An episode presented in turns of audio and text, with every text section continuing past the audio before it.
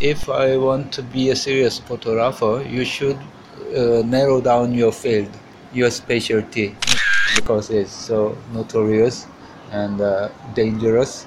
Okay. and make some shocking picture and make my name famous fast. in the beginning, honestly, I, I carry the monopod all the time. I can use it. As a weapon. yeah. Okay. Have you ever used it? I think I'm like a postman. I, I take a picture of people, and uh, next week I bring the print.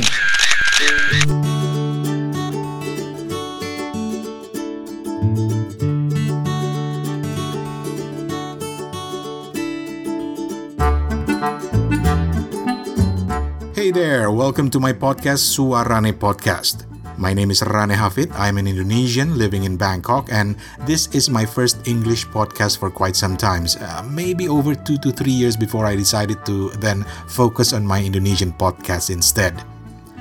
Now, this particular episode is published both in English and Bahasa Indonesia, which you can find on my website suarane.org. It's S U A R A N E dot O R G. This podcast is all about conversations. It's all about people's story from various walks of life because I love to talk, I love meeting new friends, and definitely I love to learn a lot from others. And hope you do too. So, my guest today is a photographer. It's a profession which I used to aspire to be and still love to do from time to time on my Instagram account. Well, okay, everybody does that now, so I don't think I can call myself a photographer, unlike my guest here. Uh, My name is Yoonki Kim, born in Seoul in 1955, and uh, uh, educated there until and, and working until uh, 1994.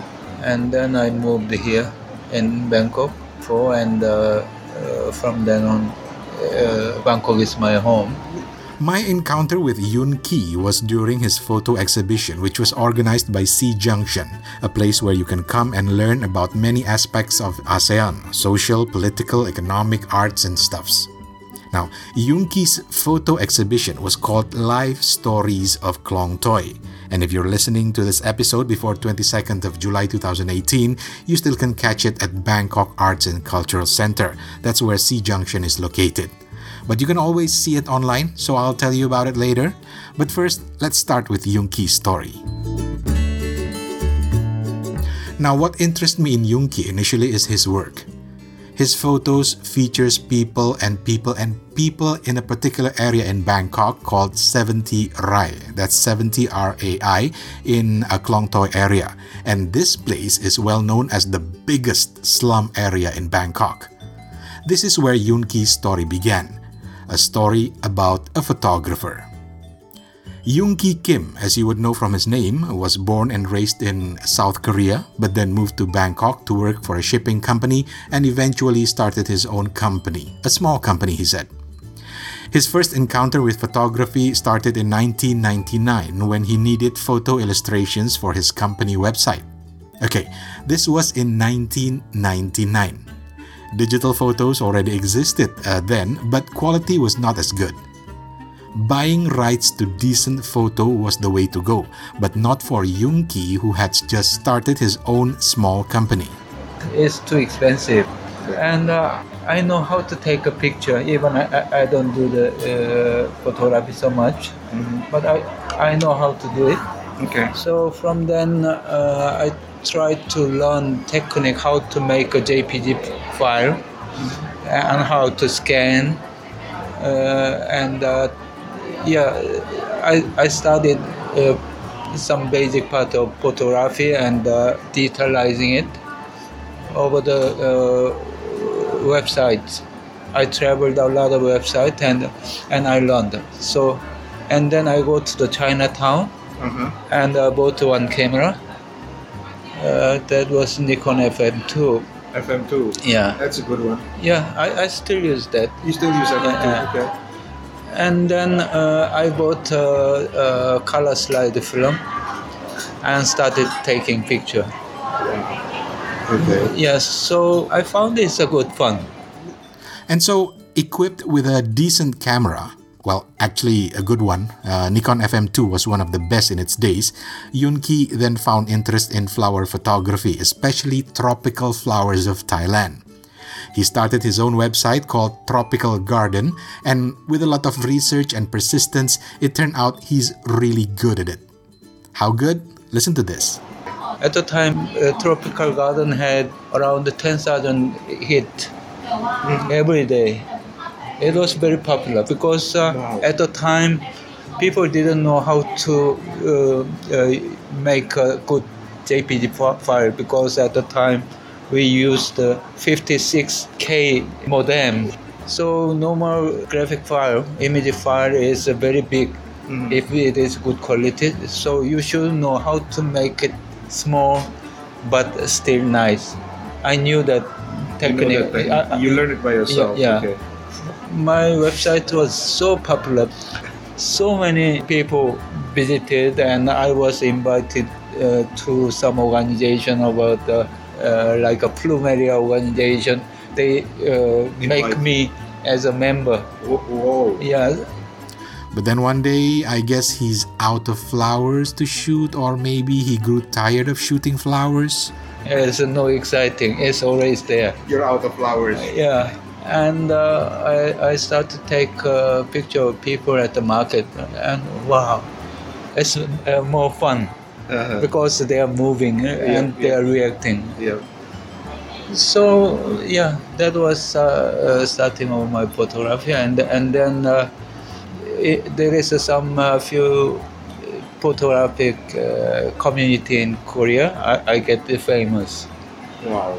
Okay. Yeah, so 2004, I wrote a book for amateurs uh, photographer. Photography. Yeah, because I'm only four year old old photographer, so I have a lot of things to say. Okay. Uh, So uh, This my- was this was published in Korea. yeah, Okay. and uh, it sold quite good. It's uh, printed three times, and it sold ten thousand copies. Ten thousand copies. That's amazing. Now, Yoonki's interest in photography grew.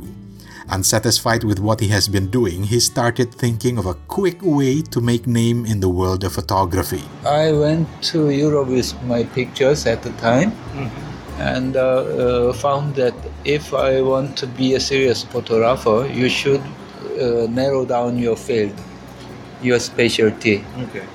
So I like to take a picture of people. Yeah. So I decided to do something serious. So I tried to find some subject. That is uh, one of that is uh, but it is always scary. And uh, I can imagine. uh, another another one is uh, uh, Chinatown, but Chinatown is far from my office. Okay. So I didn't uh, like Toi so much. So it's too much scary and dangerous, and so many bad names about okay. that. Okay. But the distance, physical distance, is the most. It's closer to you. Yeah. Okay. It's uh, only only 15 hour, uh, 15 minutes from my office to reach to Toi because I'm on the shipping business, close not far from the port. I see. everything uh, matched that way.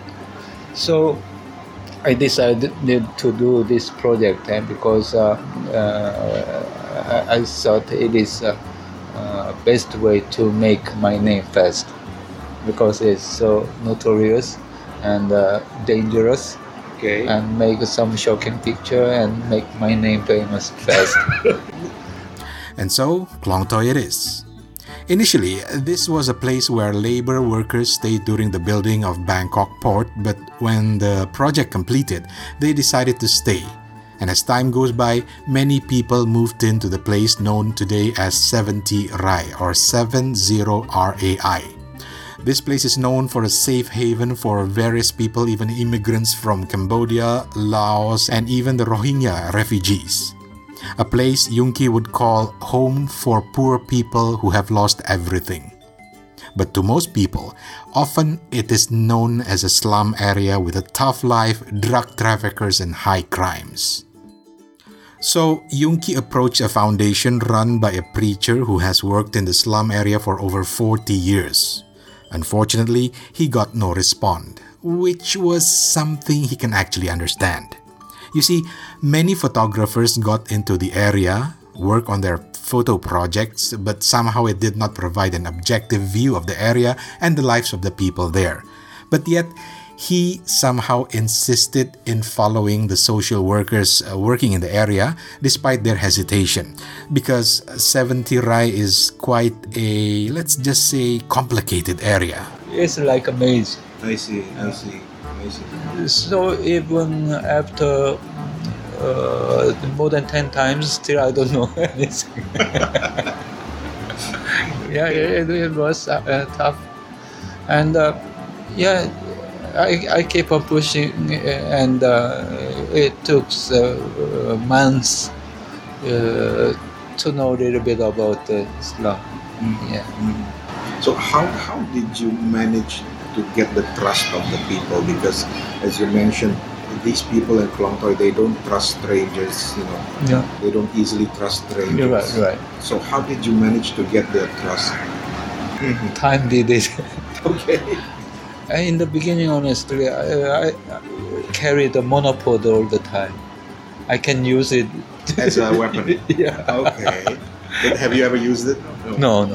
okay, thank God. And uh, even I, I didn't carry the bag. Camera, film, and, and monopod I is see. safer. That, that's all you bring. You don't carry any bags. Yeah, yeah, yeah. Okay. Wow. Now, for you aspiring photographers, here's where Yunki's story gets even more exciting. For 12 years, every single week, Yunki kept coming back to the area. This is something he did not plan uh, initially, but it became a routine in his life. It's just something that happened naturally to him. It's like a routine. Uh, like you go to the toilet every certain time, and uh, it is uh, going there is uh, very pleasing. It's so How- how- happy. how is that pleasing? How it makes you happy? It's a people and uh, play with them. It's uh, like visiting a family. I see.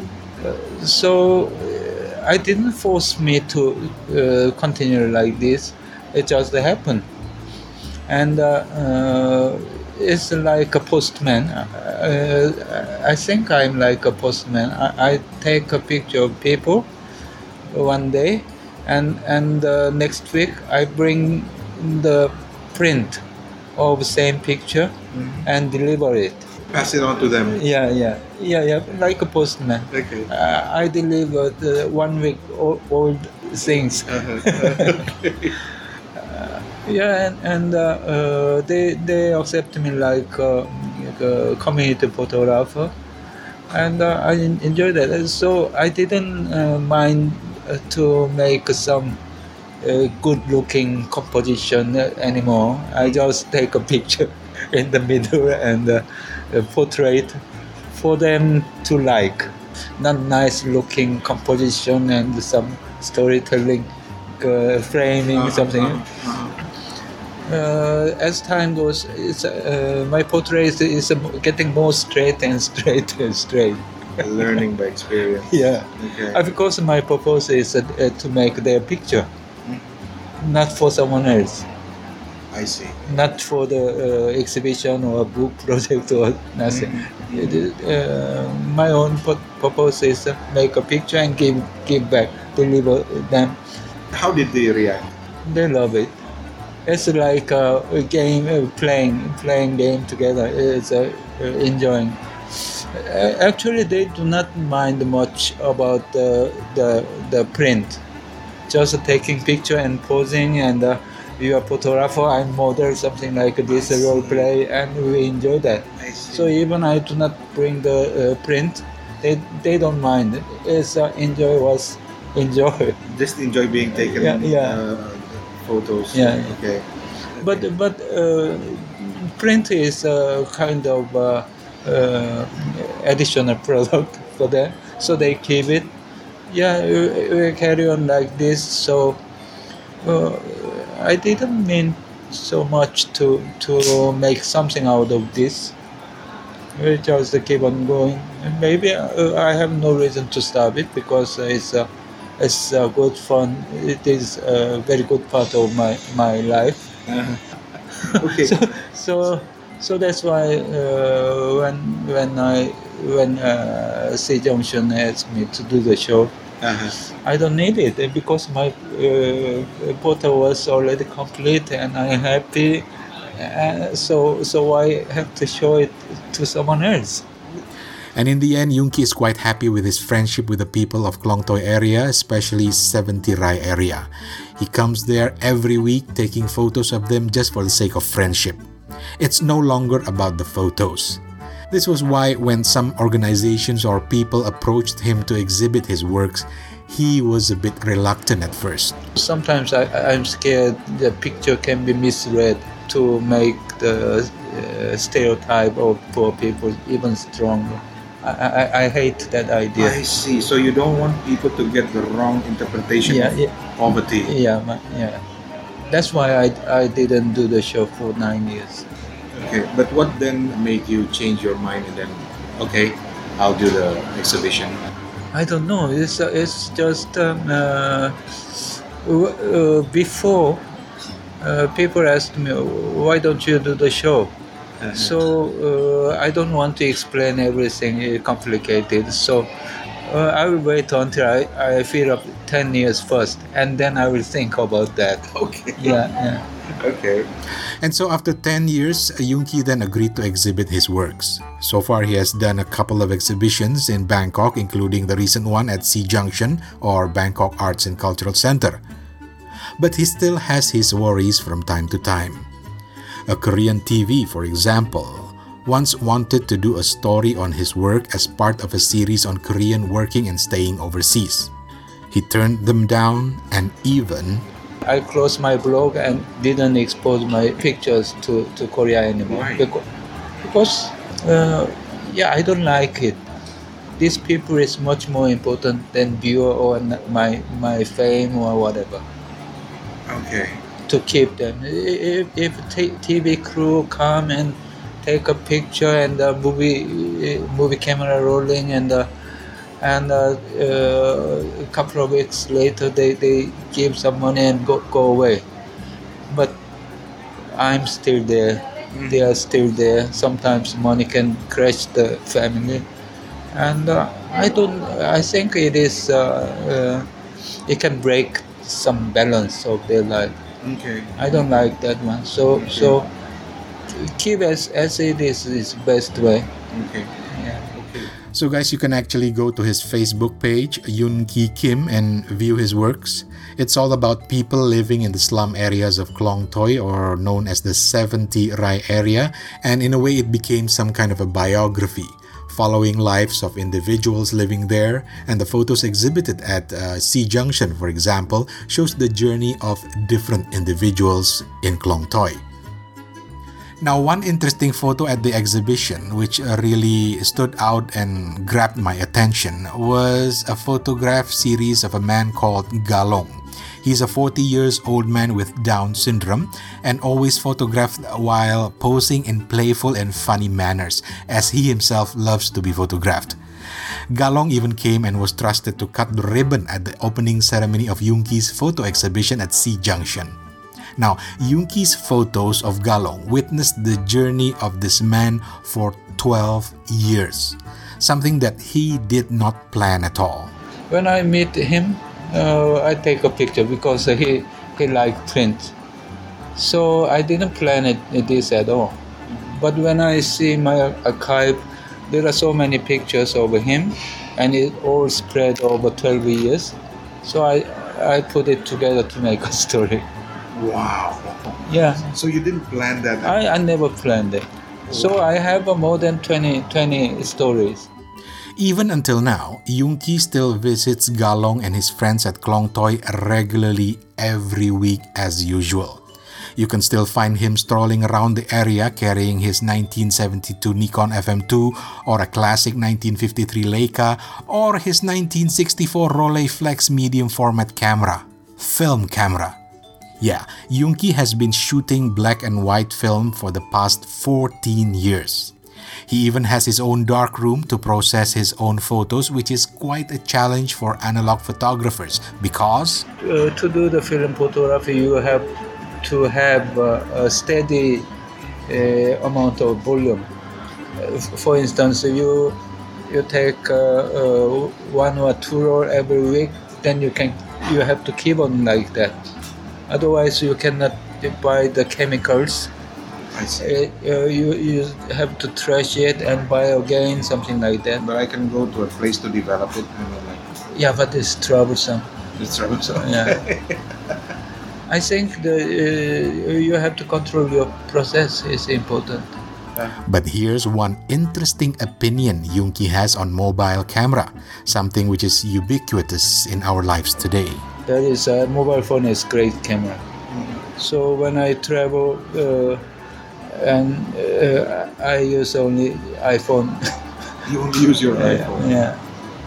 Okay. because uh, camera is heavier. Okay. So and the picture is nice. It has GPS information. Uh, camera cannot. Cannot do that. yeah, cannot do that. Yeah. Okay. Okay. The mobile phone is great camera. Yeah. And you've just listened to From Seoul to Klong Toy, Story of a Photographer on Suarane podcast featuring my new friend Yoon Ki Kim. He's a photographer, a Korean who has called Bangkok home and the people of Klong Toy his friends. And if you're interested to see Yoon Ki's photos, which I highly recommend, you can visit his Facebook page at facebook.com slash yoonki.kim.16. That's Y-O-O-N-K-I dot K-I-M dot one six. Now he's a friendly person, so do drop a comment on his Facebook page and don't forget to say Rane's podcast brought you here. And hopefully he can uh, start working on his photo website too soon.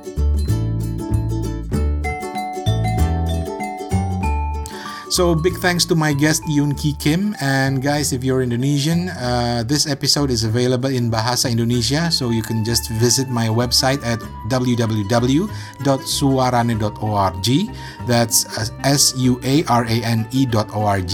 s u a r a n e dot org. And if you have any comments about this episode or you would love to hear more English episodes from me do drop me an email at suarane at gmail.com that's s u a r a and e at gmail.com. Music used in this podcast is called Carpe Diem by the one and only Kevin MacLeod from incompetech.com. You can visit that website for cool royalty free music, incompetech.com. And last but not least, this episode is made possible with the help of Ibu Lia Sciortino Sumaryono, founder of SEA Junction. So, guys, if you ever travel to Bangkok, take some time to visit SEA Junction. It's at level 4 of Bangkok Arts and Cultural Center. It's just opposite the famous Mah Boon Krong or MBK shopping center. They have cool programs, events, or even come to hang out and read as many interesting books as you can on Southeast Asia or ASEAN. So, thanks for downloading and listening to this podcast episodes. And if you're Indonesian, kalau lo orang Indonesia, uh, my Indonesian podcast is available at Apple Podcast, Google Podcast, Spotify, Castbox, SoundCloud, and any other podcast app. Just search for the keyword Suarane, S-U-A-R-A-N-E, or as the Indonesian would spell it as S-U-A-R-A-N-E. From Bangkok, Thailand, Rane Hafid signing out. Kapun Kap, terima kasih, thank you, and yes, kamsahamnida.